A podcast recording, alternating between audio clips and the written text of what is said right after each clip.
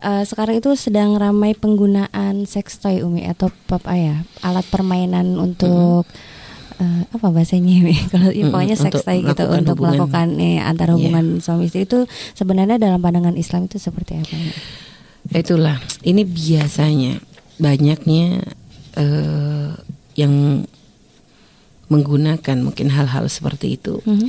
Ini bukan orang yang banyak duduk di majelis biasanya mereka yang mungkin memang sudah sering mengkonsumsi tontonan-tontonan yang kurang baik sehingga akhirnya sesuatu yang awalnya tidak ya tidak dipikirkan akhirnya menjadi terpikirkan. Mm -hmm. Sebenarnya Allah sudah menciptakan di dalam diri suami istri itu cara untuk mendapatkan kepuasan mm -hmm. dengan cara yang sesuai dengan diajarkan oleh Rasulullah. Cuma ya ini tadi karena sudah kotornya otak dan kotornya pikiran menjadikan kadang akhirnya kayak mencari kepuasan tuh harus dengan cara yang berbeda dan itu coba itu bukan ajaran kita. Hmm. nggak ada syariat Nabi itu mengajarkan hal-hal seperti itu. Hmm. Menggunakan alat-alat bantu untuk mencapai kepuasan. Nah, ini permasalahan gini loh. Apa yang dilakukan oleh suami istri semua halal. Tapi permasalahan kalau ada seorang suami misalnya mengenalkan hal-hal seperti itu kepada istrinya, mm-hmm. yang dikhawatirkan adalah bukan ini dampak ke depannya. Mm-hmm. Akhirnya bisa saja menjadikan, mohon maaf, mainan seperti itu dianggap lebih indah daripada suaminya, mm-hmm. atau sebaliknya. Mm-hmm. Jadi kayak kayak kalau tidak ada dengan alat itu menjadi sahwat kita tidak ter ter, terbangkitkan gitu. Hmm. Sebenarnya kalau kata Umi itu penghinaan ya. Ketika seorang suami tidak lagi bisa merasa puas dengan istri kecuali dengan tambahan alat yang aneh-aneh itu atau sebaliknya itu sebenarnya penghinaan kepada pasangan.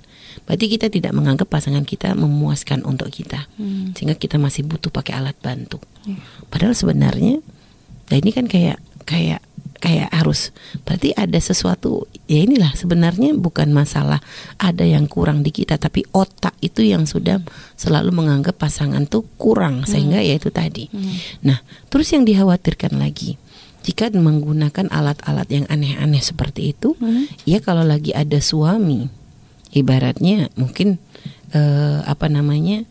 Dengan suami ya. Hmm. Tapi itu pun tidak tidak kami katakan sebagai sesuatu yang benar hmm. karena dampak mudorotnya lebih gede. Yeah. Nah kalau suami nggak ada, ya akhirnya dia akan memuaskan dengan hal-hal yang seperti itu. Yeah. Nah, tapi mungkin ada yang ngomong, tapi biasanya nih untuk yang suaminya jauhan itu sangat tertolong banget. Bukan tertolong itu tuh bukannya menyelesaikan syahwat hmm. itu sebenarnya memancing karena nggak akan terpuaskan kecuali dengan cara normal yeah. itu hanya kayak mengundang syahwat hmm. tidak pada tempatnya gitu dan akhirnya naudzubillah itu sangat mudah membuka pintu-pintu haram yeah. mohon maaf seorang wanita jauh dari istri lalu mohon maaf menggunakan alat tersebut untuk memuaskan diri hmm. suaminya jauh Sahwat dengan hal seperti itu mungkin terpuaskan, tapi sebab bukan terpuaskan, hanya sesaat dan sebenarnya itu kayak memancing syahwat yang lebih gede lagi. Yeah. Gak taunya mohon maaf suami jauh, eh tiba-tiba datang tamu, apakah saudara lakinya, hmm. saudara laki-laki suami atau mungkin siapa? Hmm. Lihat, naudzubillah. Ini benar-benar bahaya banget. Hmm. Makanya jangan main-main deh urusan seperti itu. Yeah. Karena syahwat kalau sudah dipancing itu kalau dipancing syahwat itu alami Allah hmm. memberikan kepada kita semua syahwat hmm. tapi kalau sudah syahwat yang dipancing itu cara menghilangkannya lebih susah daripada syahwat yang datang sendiri yeah, yeah. Nah, terus gimana caranya mi kalau di saat kita jauh supaya kita ya otakmu jangan ke situ terus emangnya hidupmu hanya untuk itu yeah. kamu punya kesibukan yang lain hmm. kumpul di majlis dengan orang-orang soleh hmm. gunakan untuk membaca Quran gunakan untuk hal-hal yang bermanfaat hmm. otakmu nggak akan lari ke sana gitu loh yeah. nah, tapi kalau kita pikirannya ke situ kita dipancing dengan tontonan hmm. kita pancing dengan tadi alat-alat yang aneh-aneh hmm. ya sudah nggak akan bisa ini akhirnya pisah dengan suami nggak bisa sabar yeah. Padahal sebenarnya kalau dialihkan, makanya kalau kata Buya, Buya sering ngomong, syahwat kalau yang datang sendiri ngalihkannya gampang. Hmm. Ambil wudhu, baca Quran, beres. Yeah. Tapi kalau sudah syahwat yang dicari-cari, maka dialihkannya susah. Hmm. Mau wudhu sampai berapa kali, mau kita ini nggak bisa-bisa karena hmm. memang kita yang mencari-cari sendiri. Hmm. Makanya jangan dicari-cari, biarkan syahwat datang dengan sendirinya. Kalau memang ketika suah pasangan kita jauh di saat kita ada syahwat seperti itu, hmm. lampiaskan dengan hal-hal yang baik, ambil wudhu, sholat dua rakaat, baca Quran, kumpul dengan orang-orang baik, mm-hmm. maka di situ nanti kita akan bisa lebih mengarahkan, bisa meredam hawa nafsu tersebut mm-hmm. dan akhirnya permasalahan itu bisa teratasi. Mm-hmm. Dan juga yang paling penting takutlah kepada Allah. Maka kalau ketika kita takut kepada Allah, maka walaupun dalam keadaan kita punya syahwat tapi kita tidak akan membuka pintu haram. Allah alam bisawab. Berarti untuk solusinya kalau misalkan memang agak susah ya, karena kan memang sebagian sebagian orang agak susah untuk apa? Ya tergantung ini makanya kepintaran, makanya ini hmm. keterbukaan pasangan.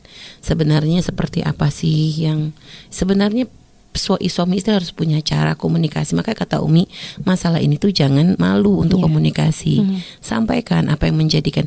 Makanya jangan malah mengandalkan dengan hal seperti itu. Mm. Kalau nanti selalu mengandalkan alat-alat begitu, ya itu nanti menjadikan suami kita, pasangan kita semakin hambar di mata kita. Yeah.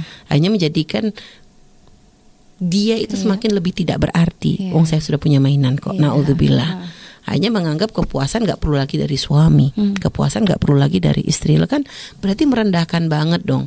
Masa kita kalah dengan mainan, yeah. gitu loh. Kita kalah dengan mainan, lo berarti ini penghinaan banget. Hmm. Makanya jangan kenalan hal dengan hal-hal begitu. Hmm. Sudah pukul mata harga mati, hmm. tidak ada karena itu bukan bukan tradisinya para bukan tradisinya orang uh, orang muslim hmm. itu tradisinya orang-orang fasik kita kok pakai seperti itu kita membeli alat seperti kan berarti mendukung sudah hmm. haram sudah nggak yeah. perlu yeah. nggak ada perlunya dan banyak mudorotnya yeah.